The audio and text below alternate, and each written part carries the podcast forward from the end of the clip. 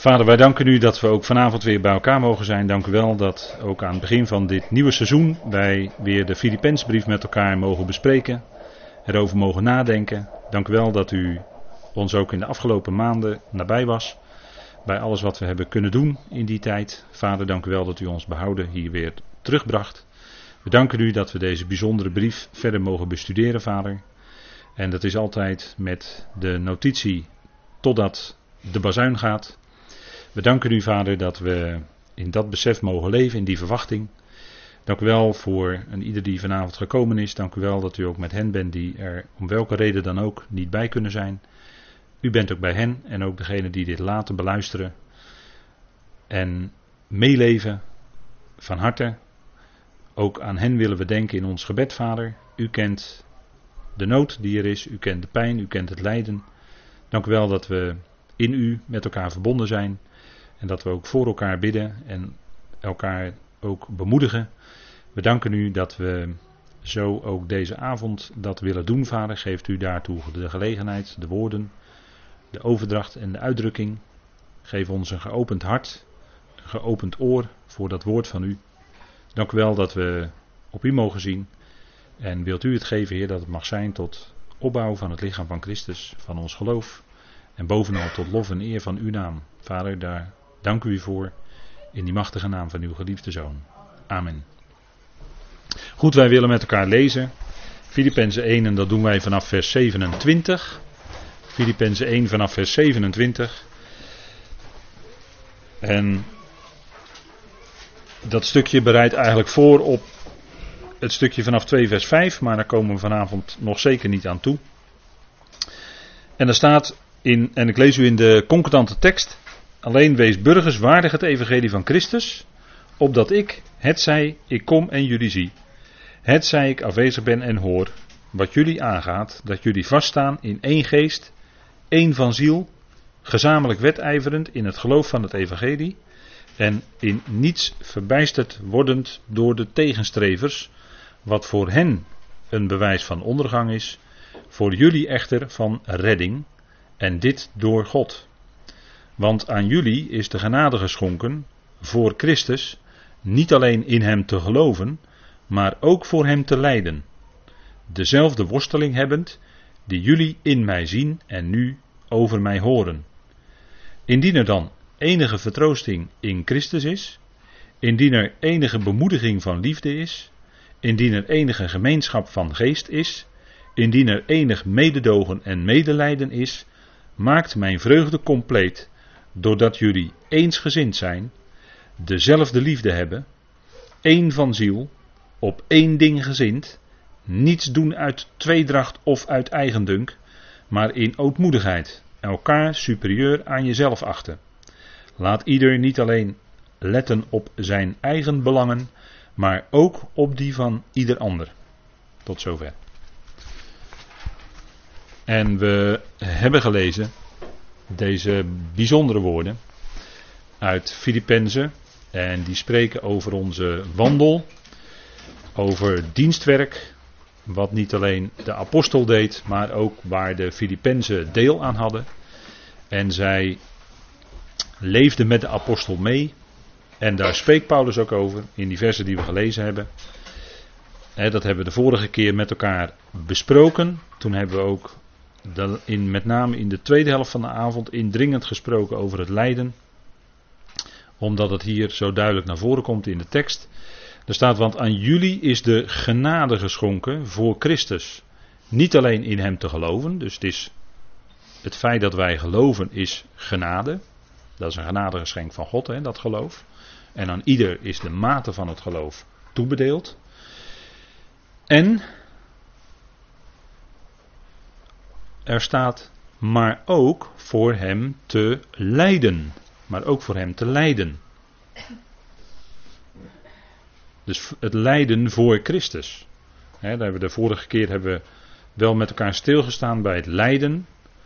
En dat was toch iets meer het lijden in het algemeen. Maar ook kwam wel heel even naar voren het kwaad lijden met het evangelie. wat Paulus tegen Timotheus zegt. Leid kwaad met mij voor het evangelie. En dat is wat, als je het evangelie volgt, dan brengt dat lijden met zich mee, onherroepelijk. En in dit stukje komt dat ook verder naar voren, met name in vers 30. En dat kan voor ons een donkere fase lijken. Als wij lijden, of als we met lijden te maken krijgen in ons persoonlijk leven.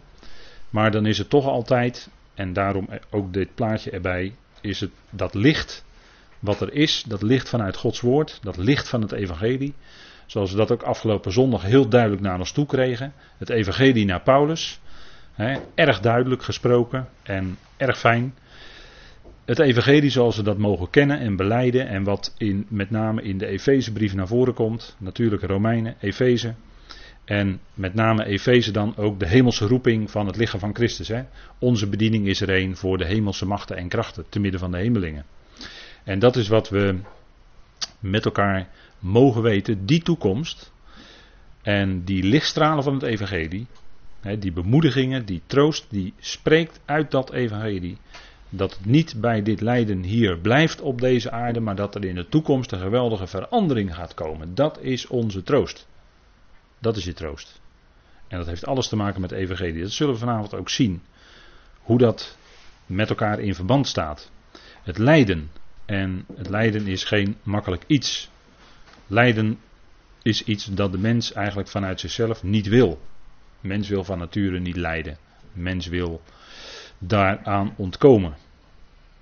Maar daar, is niet aan, daar valt niet aan te ontkomen. En dat is voor ons het punt. En in dat lijden is er ook troost, is er ook bemoediging, is er, ehm, ja, toch, zijn er toch die woorden van God die ons elke keer weer op dat spoor zetten dat we er niet alleen voor staan, maar dat Hij nabij is, dat Hij draagt en al die woorden van God die spreken daarvan. En als we dan kijken in het vervolg van dit stukje, dan zien we, en vers 29, dan weten we dat dit eigenlijk het proces in ons leven is. Ehm, niet alleen in Hem te geloven, daar begint het allemaal mee, hè, dat wij geloven in dat evangelie van onze redding. Toen werden we verzegeld met de Heilige Geest van de belofte. Efeze 1, hè, bekende tekst. Dat is het begin, het geloven, het horen, het geloven. Maar als je gaandeweg dan op weg gaat met Hem, om het zo maar te zeggen, dan brengt dat ook een stuk lijden met zich mee.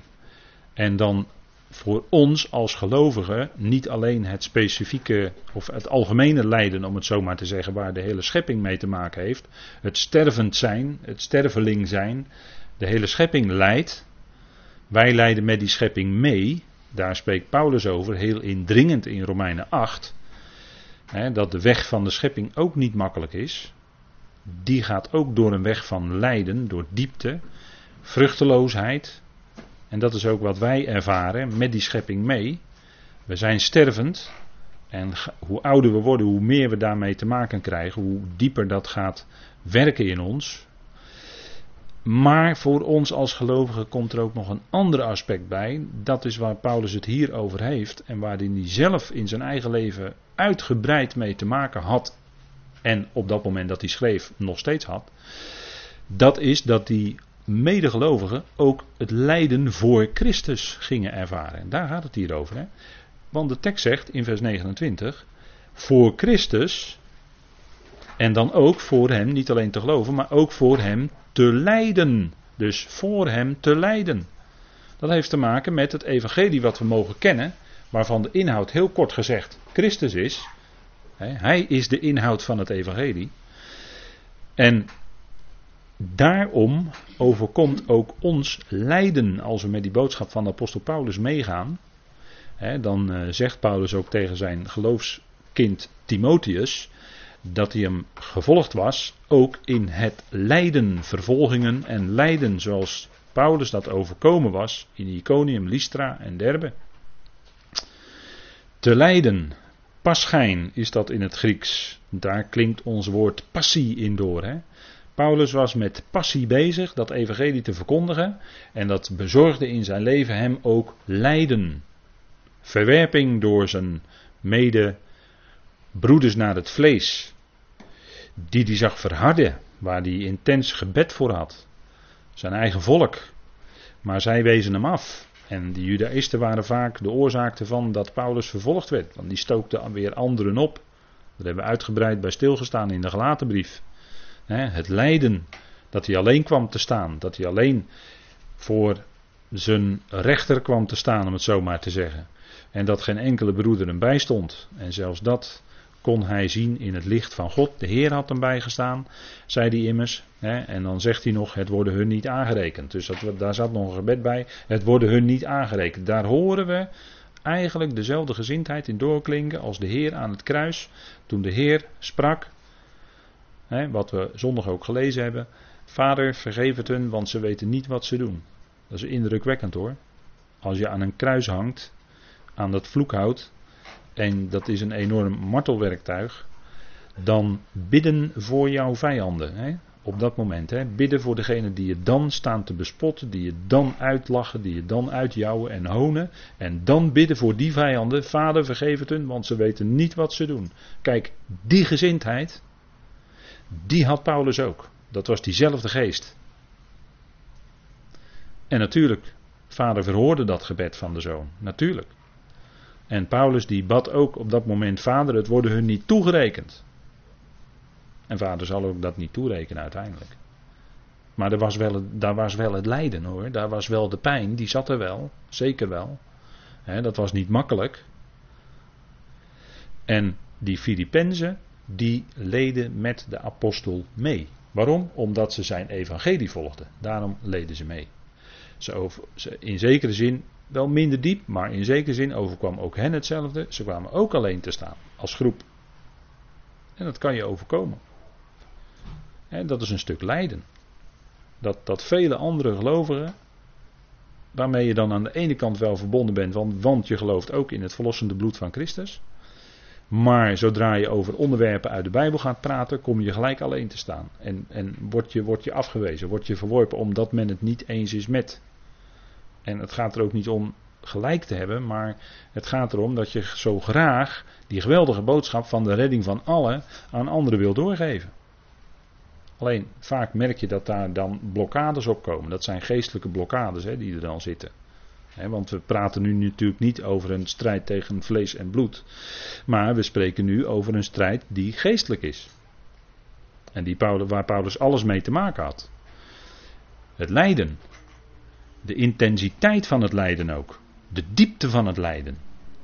Ik denk dat we daar maar weinig van beseffen wat de apostel allemaal meemaakte. Zo'n geweldige boodschap. Het beste voor hebben met iedereen. En dan toch verworpen worden, afgewezen worden, gestenigd worden. Noem maar op, he, alles wat u opnoemt in zijn brieven. U weet het ook. Maar ga er maar aan staan. En dat is iets wat je, wat je uit jezelf dan niet hebt om dan nog door te kunnen gaan, zoals Paulus doorging. Dat heb je niet van jezelf. Ik dacht toch niet dat Paulus zelf die kracht had?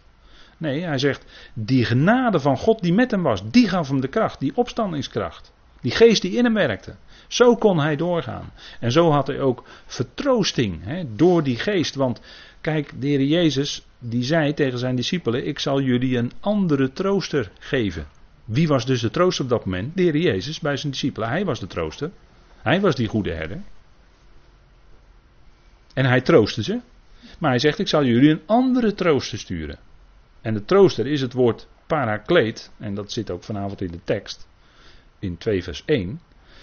dat, dat betekent langsbij roepen. erbij roepen. En dan word je bemoedigend en vertroostend toegesproken. Door die geest. Hoe? Door de woorden die in de schrift geschreven staan. Die woorden, die bemoedigen je, die vertroosten je, die bouwen je op. Zoals de Heer Jezus toen hun vriend of hun broer overleden was. Troosten. Met te zeggen, ik ben de opstanding en het leven, weet u wel. Johannes 11, vers 25, kijk, dat zijn troostvolle woorden. Ik ben de opstanding en het leven. Het blijft niet bij dat sterven, het blijft niet bij het graf. Nee, hij zal opstanding geven en meer nog, leven zonder einde. Dat zal hij geven. Kijk, en als je dat beseft, dat God dat gaat geven in de toekomst, dan heb je troost. Dat zijn troostvolle woorden, daar heb je wat aan. Mensenwoorden, hoe goed bedoeld ook, is allemaal veel minder. Maar alleen Gods woord, dat troost. En het gaat door lijden heen En het perspectief wat Paulus geeft is heerlijkheid in de toekomst. Het lijden van nu, daar blijft het niet bij. Nee, dat gaat goddank een keer voorbij. Dat zal een keer stoppen. Maar God bewerkt door dat lijden heen heerlijkheid. En dat is die heerlijkheid, dat hebben we al vaker met elkaar besproken. Die heerlijkheid is veel groter dan dat wij kunnen beseffen.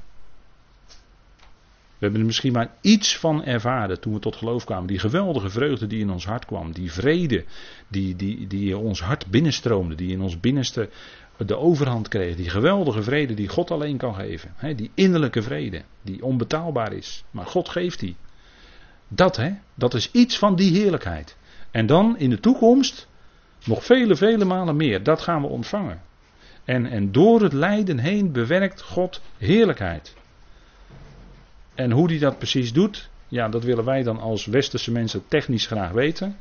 Nou, ik kan het u niet zeggen hoe die dat doet. Alleen, er staat in de schrift dat hij door het lijden heen de heerlijkheid bewerkt.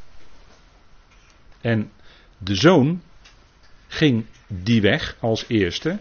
Het ging bij hem door lijden tot heerlijkheid, waar de profeten naar zochten in hun profetieën, zegt Petrus. De heerlijkheid die daarna zou komen op de Messias, nou die heeft hij nu. En die, die heerlijkheid van Christus, dat is zo'n punt van het evangelie wat helaas bij zoveel onbekend is. Die enorme heerlijkheid die hij heeft, wie hij werkelijk is. Nou, daar gaan we natuurlijk over nadenken. Maar het gaat doorleiden heen naar heerlijkheid. En dat is een bemoediging. Hè?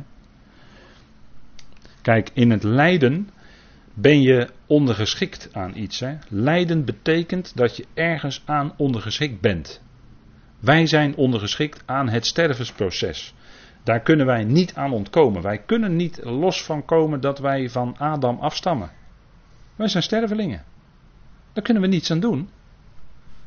En dat, wij, en, en dat het ons ook over, over kan komen dat wij ook uiteindelijk komen te overlijden, kunnen we ook niets aan doen. En net zo min kunnen we er ook iets aan doen dat God ons in de toekomst ook zal opwekken door zijn kracht. Net zoals hij zijn zoon opwekt uit de doden, zal hij ook ons opwekken uit de doden. Kijk, dat is nou bemoedigend, vind ik. Dat is nou bemoedigend, hè. Je bent nu ongeschikt aan het lijden. Lichamelijk lijden, wat, wat heel moeilijk kan zijn. Daar hebben we de vorige keer met elkaar ook over gesproken. Wat heel zwaar kan zijn. Wat, wat intens kan zijn, jarenlang. Ziekte hebben. Wat je overkomt steeds maar pijn hebt. Dat er zoveel moeilijke nachten al zijn geweest en misschien nog zoveel zullen komen.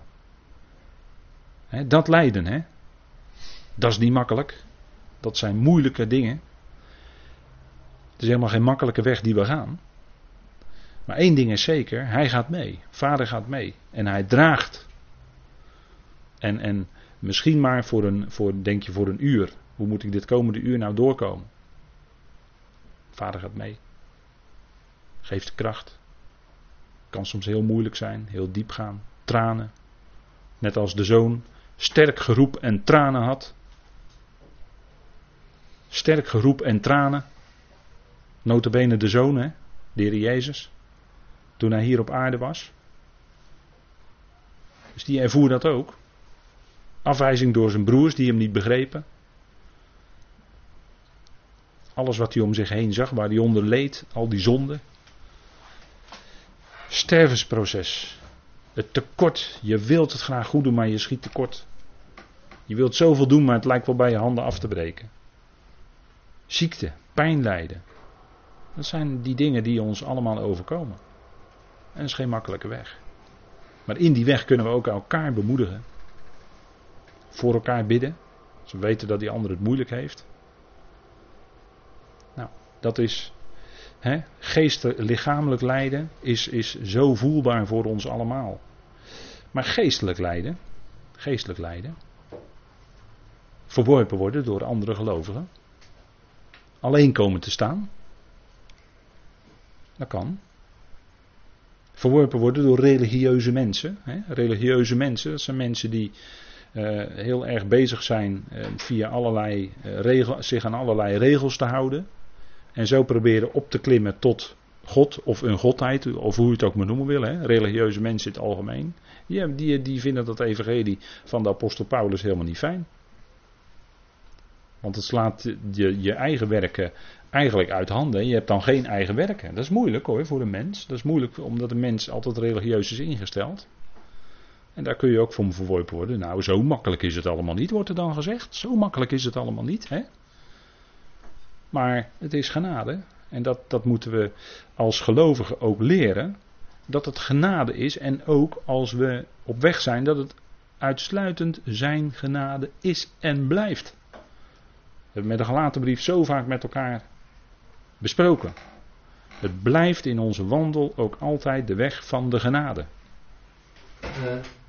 En dan is God die kracht geeft. En zijn geest in ons geeft. Zodat die vrucht van die geestelijke in ons leven gaat, zich gaat zetten. Ja, en dan kom je eigenlijk, dan stijg je eigenlijk, om het zo maar te zeggen, boven de wet uit.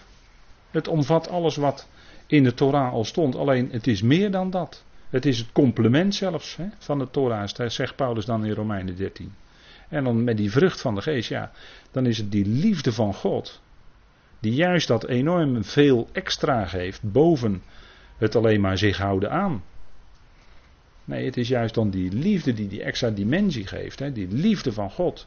Dat je die ander belangeloos kan liefhebben, dat je de, de ander belangeloos kan dienen. Dat wil zeggen belangeloos. Dat, wil niet, dat is niet dienen om, opdat jij later op de sokkel wil staan. Nee, dat is gewoon dienen omdat je wil dienen. Omdat je, omdat je weet dat het genade is. Omdat die genade zo geweldig is. Omdat je daar blij mee bent. Vreugde in je hart van hebt. Dat heeft je verrijkt. Daarom wil je dienen. Niet, uit, niet uit vleeselijke ijver. Want dan ben je net als zoveel anderen bezig in allerlei verbanden en noem maar op die, dan, uh, die dan als ze 40 jaar lid zijn geweest ergens van een bestuur of zo, die willen dan een lintje krijgen van de koningin of zo. dat is vleeselijke ijver. Als je 40 jaar lang gaat voor dat lintje. Nee, gewoon dienen. Belangeloos, zoals de Heer dat deed. En die wist de vreugde die hem in vooruitzicht was gesteld. En waarin hij nu is. Romeinen of eh, Hebreeën 12. Hij heeft om de vreugde die hem voorgesteld was de schande en het kruis veracht. Die weg kon hij gaan, de zoon. Hebreeën 12, hè. De weg. En, en dan gaat het verder in Hebreeën 12 over het feit dat ook wij zonen zijn, hè. Wij zijn als gelovigen ook zonen van hem. Nou, als de zoon nou zo'n weg moest gaan, zal dan ons ook lijden bespaard blijven? Nee, want God die is bezig met ons om als zonen om te gaan. Hij gaat met ons om als zonen. En dat, dat, dat is dan via een weg van lijden. En het kan ook een weg zijn van lijden en verdriet, moeilijkheden, tegenslag. Kijk maar in het leven van Paulus. Dus er zijn vandaag de dag, dat weet u wel, van die welvaartspredikers, he, in, uh, met name in de Verenigde Staten van Amerika, maar ze zijn overal, die zeggen nou als jij maar gelovig bent dan gaat het jou voor de wind hoor. En uh, hoe, hoe, beter geloviger jij bent, in hoe grotere auto jij zal rijden. Nou, dat is precies omgekeerd, hè? Precies omgekeerd. Van wat het in werkelijkheid is. Want als je leest in de brieven van Paulus. en je leest wat Paulus overkwam. als de apostel de leraar van de natie. Waar, we, waar alle gelovigen naar zouden luisteren. maar die welvaartspredikers die luisteren niet naar Paulus. Maar als we allemaal luisteren en die kant op gaan. nou, dat is geen weg van, van voorspoed hoor. Dan heb je geen auto met een hele dikke neus. En met vierwielaandrijving en weet ik wat allemaal. Nee hoor, dat is een weg van tegenslag, van moeite.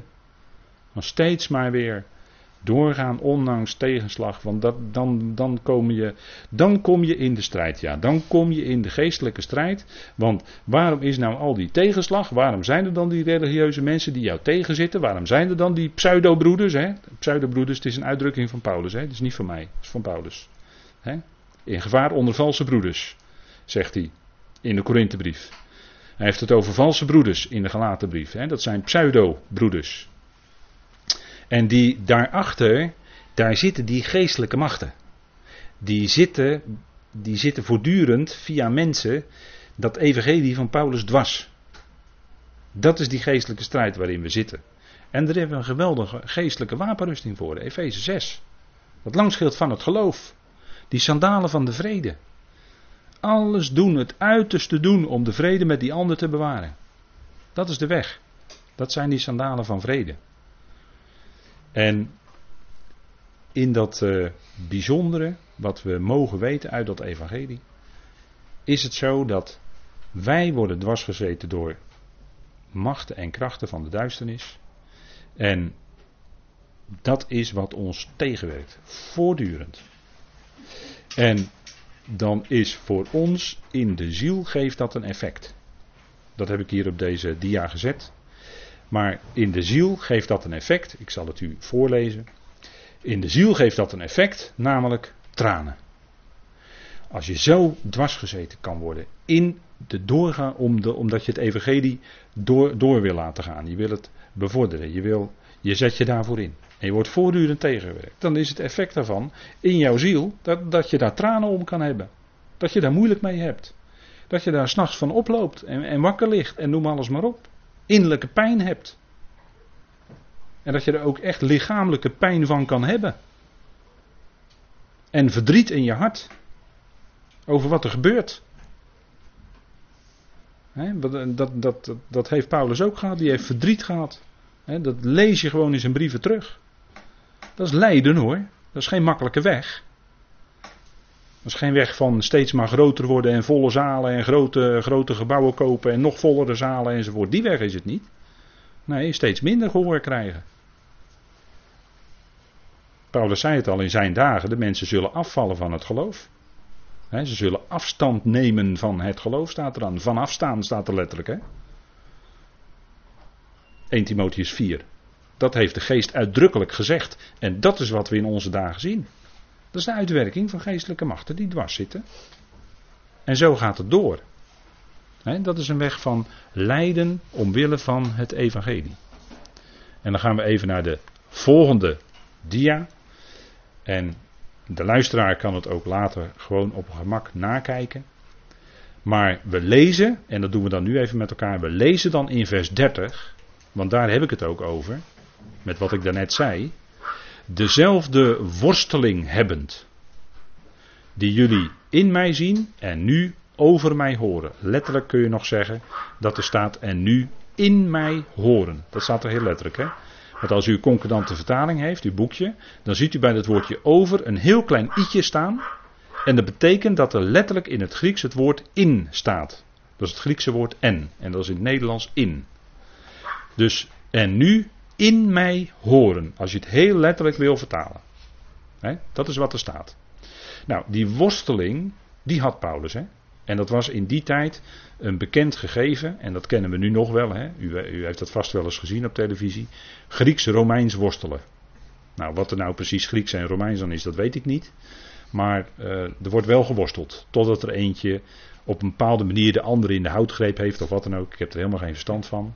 En die heeft dan gewonnen maar dan is het een hele worsteling. Dan is het een hele worstelwedstrijd. En dan wordt er tegen elkaar aangehangen. En er wordt er met armen gewerkt. En met benen. En noem alles maar op. Totdat die ander het wint. Nou, een worsteling. Daar heeft Paulus het over. Je kunt het ook vertalen met het woord strijd. Worsteling. En dat was een, natuurlijk, eh, het, woord, het, is natuurlijk een geestelijke worsteling. Hè, want er staat een klein f'je bij in uw concordante vertaling. En dat betekent dat het figuurlijk gebruikt is. Het is natuurlijk geen letterlijke worsteling zoals op de Olympische Spelen. Maar het is een geestelijke worsteling. Het is een geestelijke strijd. En Paulus heeft het daar ook over in zijn brieven. Als hij zegt, als hij het heeft over zijn eigen strijd, dan kunnen we ook lezen, en dat kunnen we even opzoeken met elkaar, in Colossense 2. Colossense 2. Ook zo'n bijzondere brief, hè, Colossense. Een fantastische brief die Paulus geschreven heeft. Dat kun je als mens niet bedenken hoor, wat daar allemaal in staat. Echt niet. Dat is echt door God geïnspireerd hoor, dat kun je niet bedenken.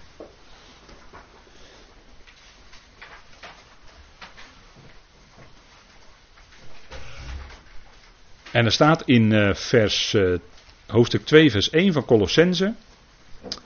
Want ik wil dat jullie weten hoe zwaar de strijd is die ik voor jullie heb en voor hen in Laodicea en voor diegenen die mijn aangezicht in het vlees niet hebben gezien, Nou, dat zijn u en ik, hè, die laatste categorie. Dat zijn er heel veel hoor. En daar heeft Paulus strijd voor gevoerd. Hoe zwaar, hè? Hoe, het is eigenlijk dat woord zwaar. Ja, het, het, ja, met vertalen is dat het probleem. Hè? Maar dat woord zwaar, er staat eigenlijk dat het een, een hele berg is. Het is een hele grote berg eigenlijk. En, en dat, dat drukte op hem.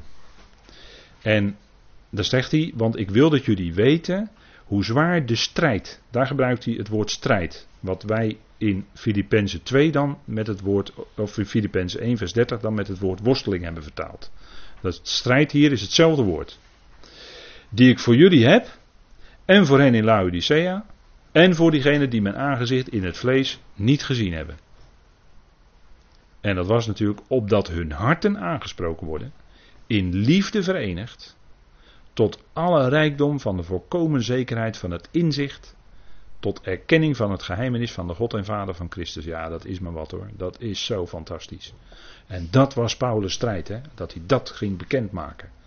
En dat kostte hem ontzettend veel. Dat kostte hem ontzettend veel. Dat kostte hem soms bijna zijn leven. Hè? Dan spreekt hij in uh, 2 Korinthe 1, daar heb ik het de vorige keer met u even over gehad. Hè? 2 Korinthe 1. Dat hij zelfs aan zijn leven wanhoopte op dat moment. Hè? Maar dat God die de doden opwekt hem toch daardoorheen had geholpen.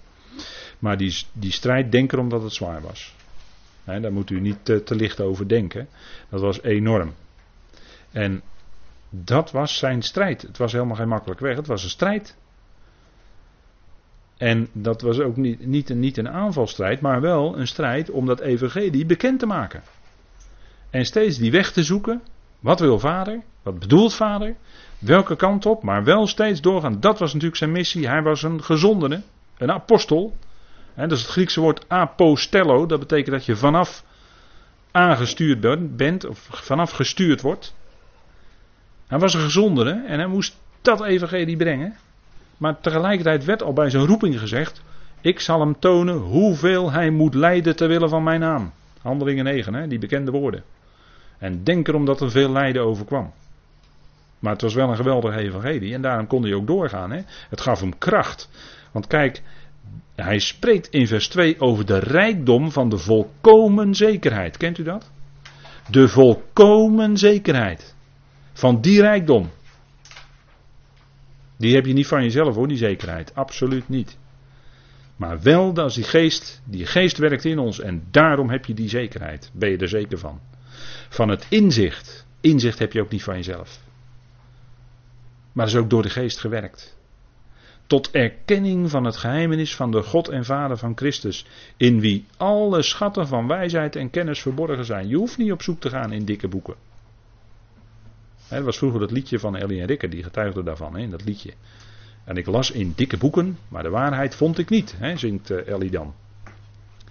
Nee, inderdaad. Maar ze vond de waarheid wel in Christus. Hij is de waarheid. In hem zijn al die schatten van wijsheid en kennis verborgen. Ben je op zoek naar wijsheid? Dan, moet je bij hem terecht. De vrees van de Heer is het begin van de wijsheid. En, en die diepte van wijsheid, die, we, die ontvangen we in hem. In dat geheimenis wat, wat hij is in feite, het geheimenis van Christus. Alle schatten van wijsheid en kennis verborgen. Dat is een geweldige boodschap. En daar was Paulus mee op weg en daarom kon hij heel diep gaan. Dat gaf hem ook kracht en troost en bemoediging om door te gaan. Nou, Paulus zegt verder in 1 Thessalonicense 2 vers 2. Dan gaan we nog even naar die tekst kijken. 1 Thessalonicense 2 vers 2. Hebben we helaas nog geen concurrente vertaling van, maar we zijn op weg. Dat het ook uitgegeven gaat worden. Het is wel digitaal voor u beschikbaar. In de NCV. Met een mooie app. App met dubbel P. Die u kan downloaden. Dan heeft u uh, de NCV ter beschikking. En daar staat wel Thessalonicense in. 1 Thessalonicense 2 vers 2. En er staat, maar hoewel wij tevoren geleden hadden. Ziet u het? Geen makkelijke weg, hè? En in Filippi smadelijk behandeld waren. Weet u wel, blok, blok, voeten erin, in de gevangenis, zingen. Zo was het, hè? Maar ze werden smadelijk behandeld. Het was volkomen, maar dan ook volkomen ten onrechte. Maar dat waren weer die geestelijke machten, weet u wel. Daar zijn we wel eens mee bezig geweest vanuit handelingen, hè? Hoe, hoe dat werkt dan. Hè, maar dat waren die geestelijke machten die dan tegen gingen werken. Smadelijk behandeld waren, zoals jullie weten. En we hebben toch in onze God vrijmoedigheid gekregen om het evangelie van God tot jullie te spreken te midden van veel strijd. Ziet u dat het rondom het woord altijd strijd is? Er is altijd strijd. Maar dat, dat, is, dat is ook alle strijd waard hoor. Dat is die worsteling waard. Want het is een machtig evangelie. Wat je niet bij de apostelen van de besnijdenis hoort. dat is echt wat we afgelopen zondag ook hoorden. Dat lees je niet bij de apostelen van de besnijdenis. Dat was het evangelie. Dit is het evangelie wat vandaag aan de dag moet klinken. Het evangelie van de besnijdenis straks, als wij weg zijn. Dan heeft het zijn juiste plaats. Niet nu. En Paulus verkondigde dat evangelie wat hij mocht verkondigen. En dat deed hij te midden van veel strijd. dat, dat houdt niet op. En dat zegt hij ook tegen Timotheus. He. Laten we nog even eentje opzoeken. 1 Timotheus 6, vers 12 zegt hij het ook tegen zijn geestelijk kind.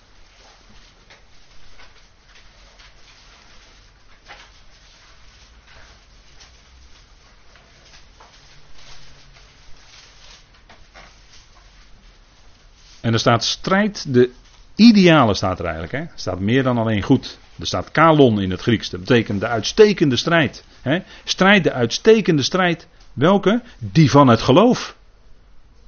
Niet de kruistochten. Maar strijd de strijd van het geloof.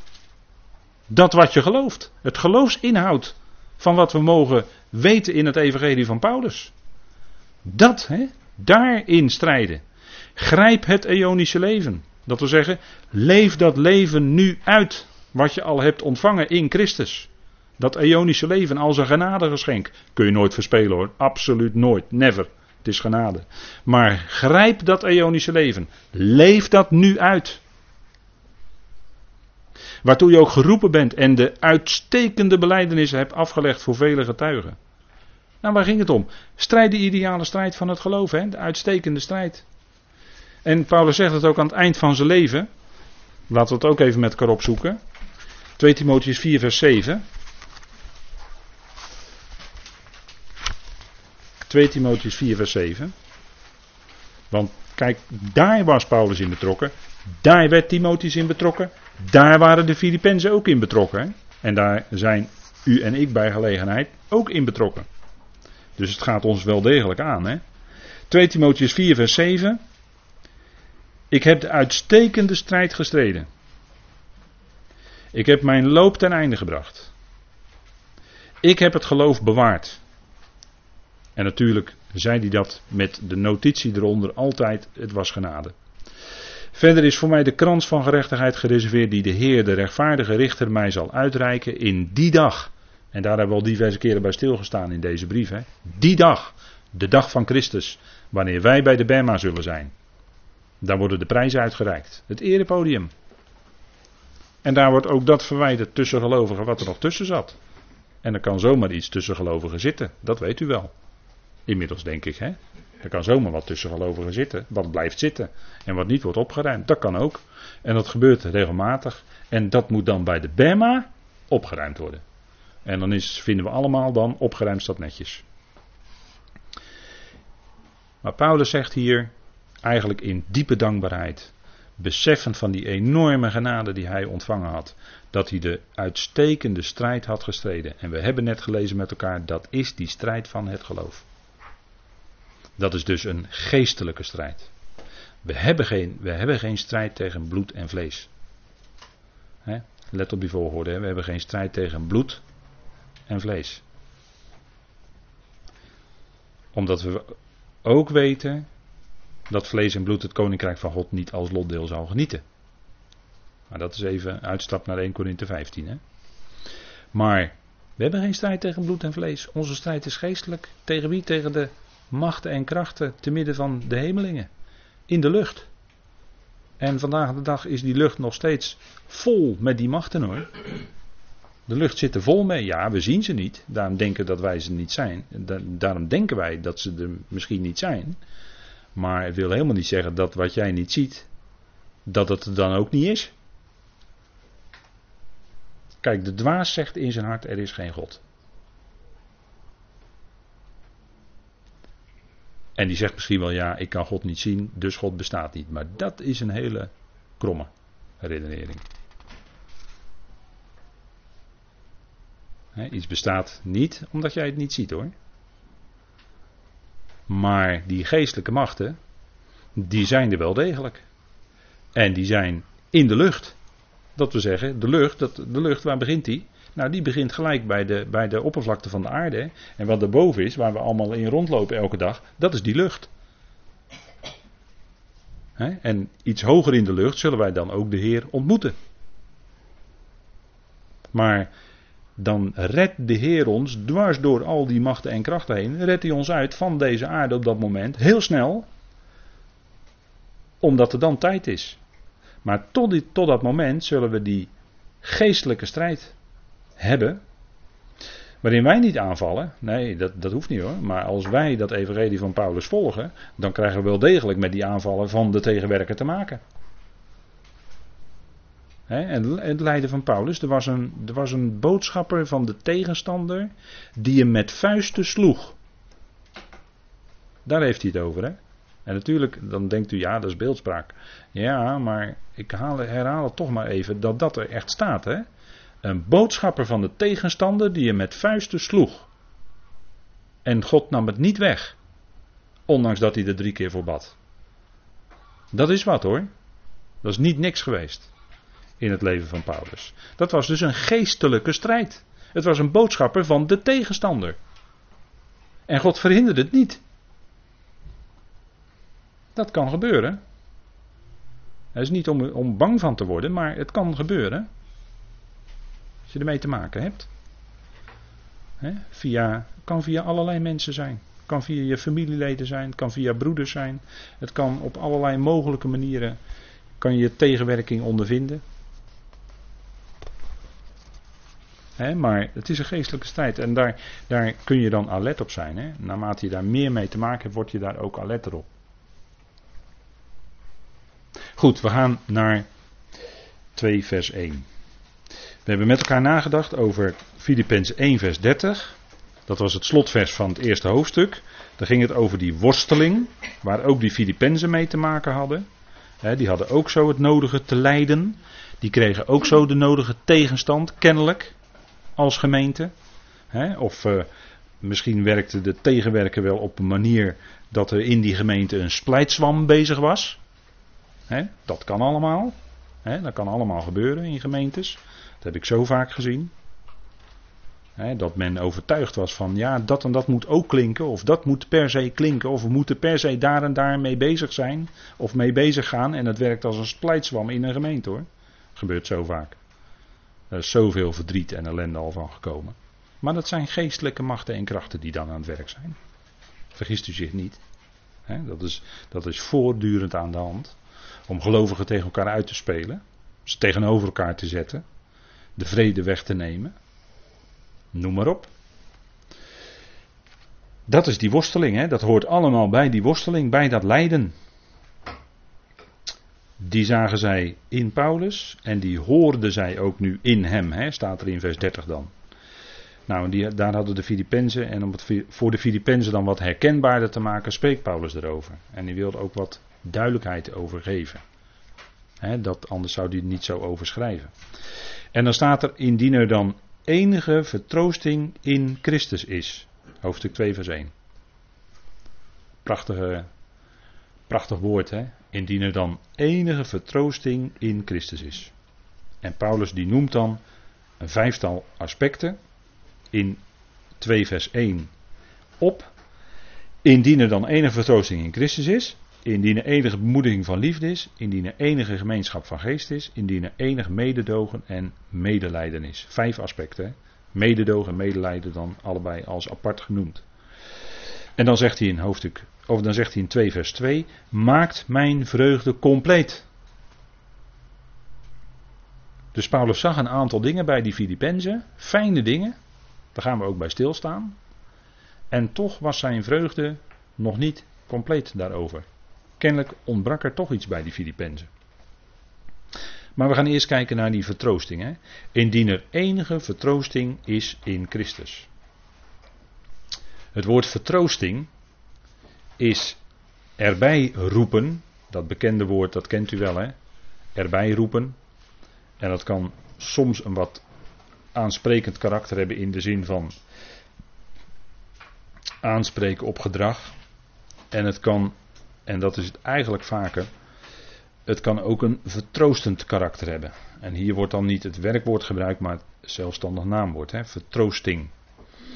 En vertroosting, daar zit eigenlijk vanuit het Hebreeuws onder het woord nagam. Het Hebreeuwse woord nagam.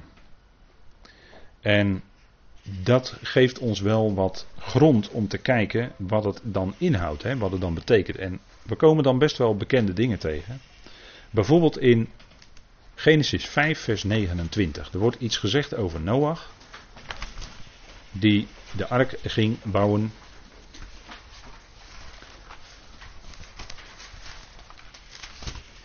En in die naam Noach, daar eigenlijk hoor je daar al de vertroosting komen. Hè? Want Noach, dat is eigenlijk de afgekorte vorm van Nagam. Alleen dan heb je de letter Meem heb je nog niet. Maar als je de naam Noach hebt, dan heb je eigenlijk twee letters. Dat is, zo werkt dat in het Hebreeuws. De Noen en de Get. En die letters die betekenen ook, als je ze in een, als je net in een andere volgorde zet, betekenen die letters genade. En dat is wat God ook aan Noach gaf. Want dat staat in hoofdstuk 6. Noach wandelde met God, staat er dan. En Noach was een rechtvaardig mens. En er staat dan in 6 vers 8, maar Noach vond genade in de ogen van JW. Noach vond genade in de ogen van JW. Dus lees je Noen geet, maar wat kreeg hij? Geet Noen. Gen, gein, genade kreeg hij van de Heer. En hij mocht de ark gaan bouwen. En zo, ik probeer u een beetje te laten horen hoe dat in het Hebreeuws dan klinkt. Hè? En dan hoor je eigenlijk die dingen al komen.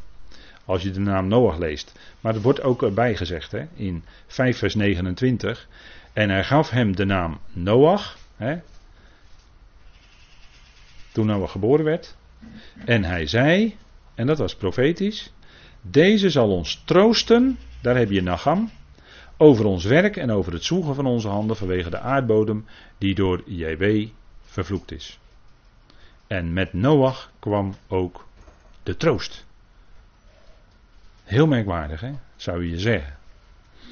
En nou is het geval dat in hoofdstuk 6 datzelfde woord ook naar voren komt. Als u later de dia even nakijkt, dan zult u die tekst ook zien staan. Maar die geef ik u nog. In Genesis 6, vers 6 en 7 komt ook dat woord Nagam naar voren. Dat is het, en dat is op het eerste gezicht lijkt dat merkwaardig. Hè? Vers 6 en vers 7. De Heer zag dat de gedachten van de mensen alleen maar slecht waren of boos waren. Genesis 6, vers 5. De mensen zondaar. En dat zondaar zijn, dat nam alleen maar heel sterk toe op de aarde. En dan staat er, en toen kreeg JW er berouw over. En dat woord berouw hebben is hetzelfde woord nagam. En nou is dat natuurlijk in onze vertaling vertaald als berouw hebben. Maar is de Heer dan een mens dat hij berouw heeft? Of dat het hem verrast dat de mens zo is en dat hij nu ineens moet ingrijpen? Wel nee, helemaal niet. Maar als je weet dat in dat woord ook de troost zit en de genade, is het zo dat die Heer aan Noach de genade gaat schenken, dat hij door die grote watervloed heen gered wordt, en de Heer doet de rest van de mensheid uit zijn ogen weg. En dan is ook het gelijk voor die hele mensheid dan natuurlijk het zonde gestopt. Voor wat betreft al die mensen die omkomen. Maar ook het lijden stopt direct. En de Heer geeft een nieuw begin. Het is natuurlijk een plaatje van een nieuw begin ook. niet, het is niet, uh, het, tuurlijk is echt zo gebeurd, absoluut. Maar het is ook een nieuw begin. God maakt met Noach een nieuw begin. Er werden acht zielen door het water heen gered. En het was als het ware opstanding uit de doden wat God gaf. Want iedereen had eigenlijk moeten omkomen, maar o wonder, er kwam toch een gezin van acht mensen, kwam er toch doorheen. En dat was als het ware opstanding uit de doden. God bewaarde ze in leven. En dat was de genade die hij gaf. En dat was ook de troost die hij gaf aan Noach. Dat hij niet die mensen uit zijn ogen wegdeed, maar naar de weg doorging. En de weg ging door richting de verlosser. Richting dat beloofde zaad aan Eva, de levende. Die weg ging door, die verlosser zou gaan komen. De weg werd niet afgesneden. Dat, daar zit ook die troost in. Daar zit ook die genade in die Noach kreeg. En dat klinkt dan door over wat dan in de vertaling staat met dat de Heer het er berouw over had. En het bedroefde hem, hij had er verdriet van. Hij had er verdriet van. En als je verdriet hebt, dan heb je ook troost nodig. En vandaar dat tegelijkertijd in datzelfde vers het woord nagam klinkt. Vers 7 staat het ook, hè. En de Heer zei: Ik zal de mens die ik geschapen heb van de aardbodem verdelgen, van de mens tot het vee, tot de kruipende dieren, tot de vogels in de lucht toe. Want ik heb er berouw over dat ik hen gemaakt heb. En nu weet u dat het woord berouw hebben eigenlijk hetzelfde woord is als vertroosten. Maar Noach, er was ook een Noach, en die was door God geroepen. En die vond genade in de ogen van de Heer. En dat was de troost voor de mens. Het zou toch doorgaan. En dat is denk ik een punt. Hè? En dat woord nagam, dat komt nog wel vaker voor in de schrift. Uh, bijvoorbeeld in Psalm 119. Laten we het ook even met elkaar opzoeken. Psalm 119.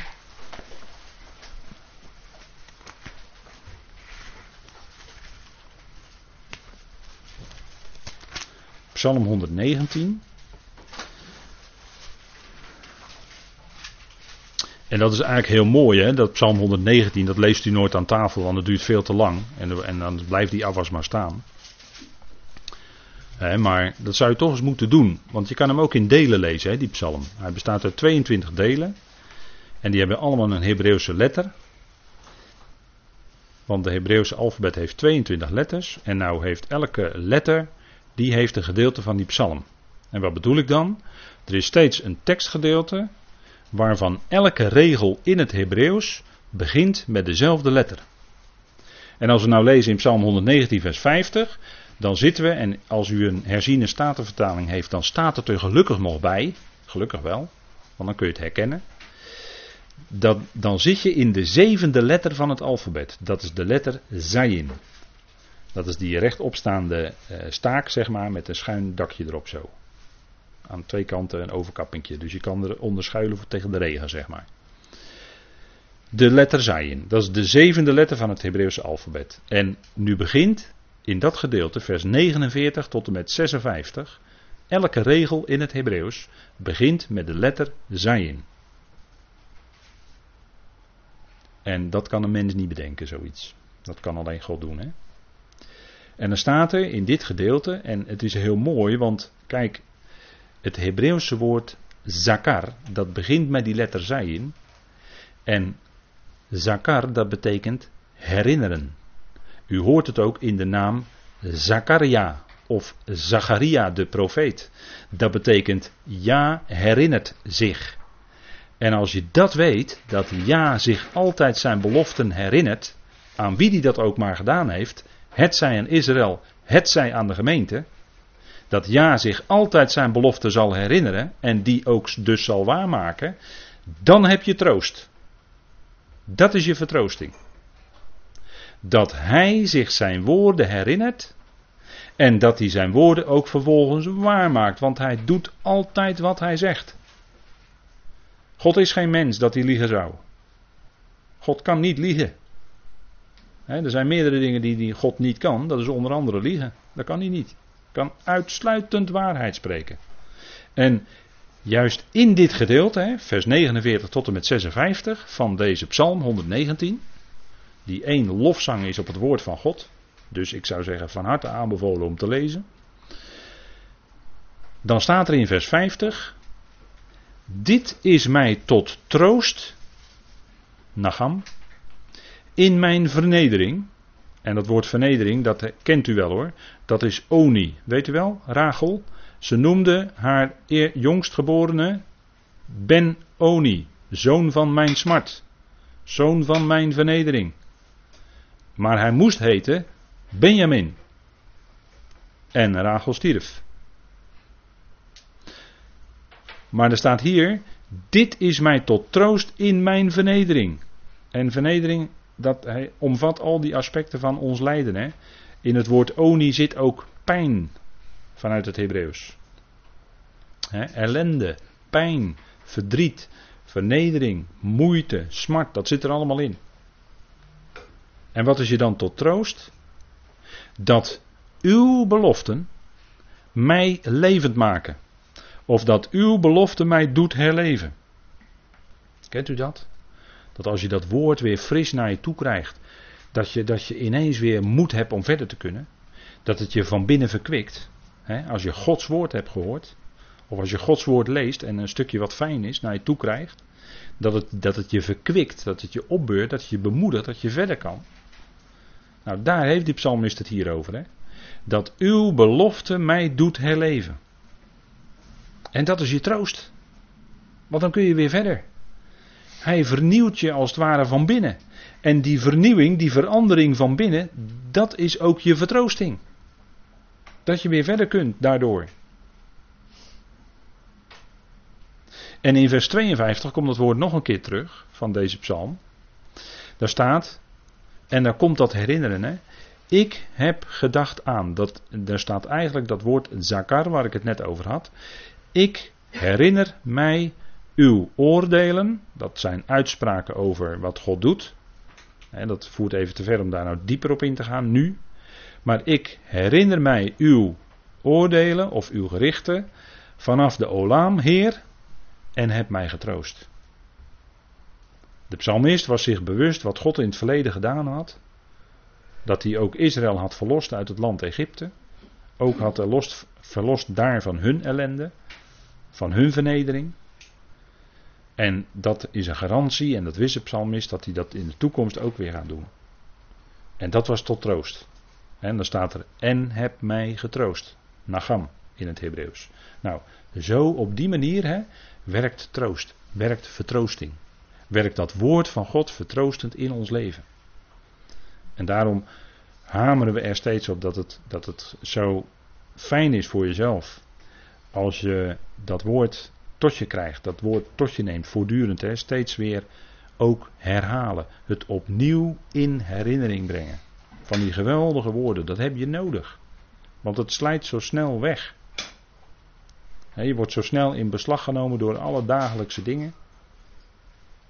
Maar dan, dan kan het zomaar zijn dat het woord een beetje op de achtergrond raakt en dan, dan slijt het weg. Dan heb je het nodig dat je het weer opnieuw je in herinnering laat brengen. Weer opnieuw gaat horen naar dat woord.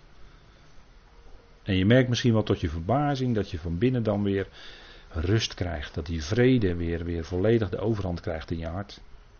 Dat je het weer aan vader kan overgeven omdat je weer herinnerd wordt aan zijn belofte. Herinnerd wordt aan die geweldige vader die voor ons zorgt. en hij vergeet ons niet hoor. Wat dacht u? Als in Matthäus staat dat de Heer Jezus zegt. De Heer Jezus zegt dat. Hè?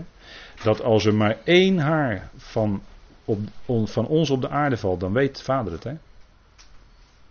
Zo zorgzaam is hij voor ons, hè? dat weet hij.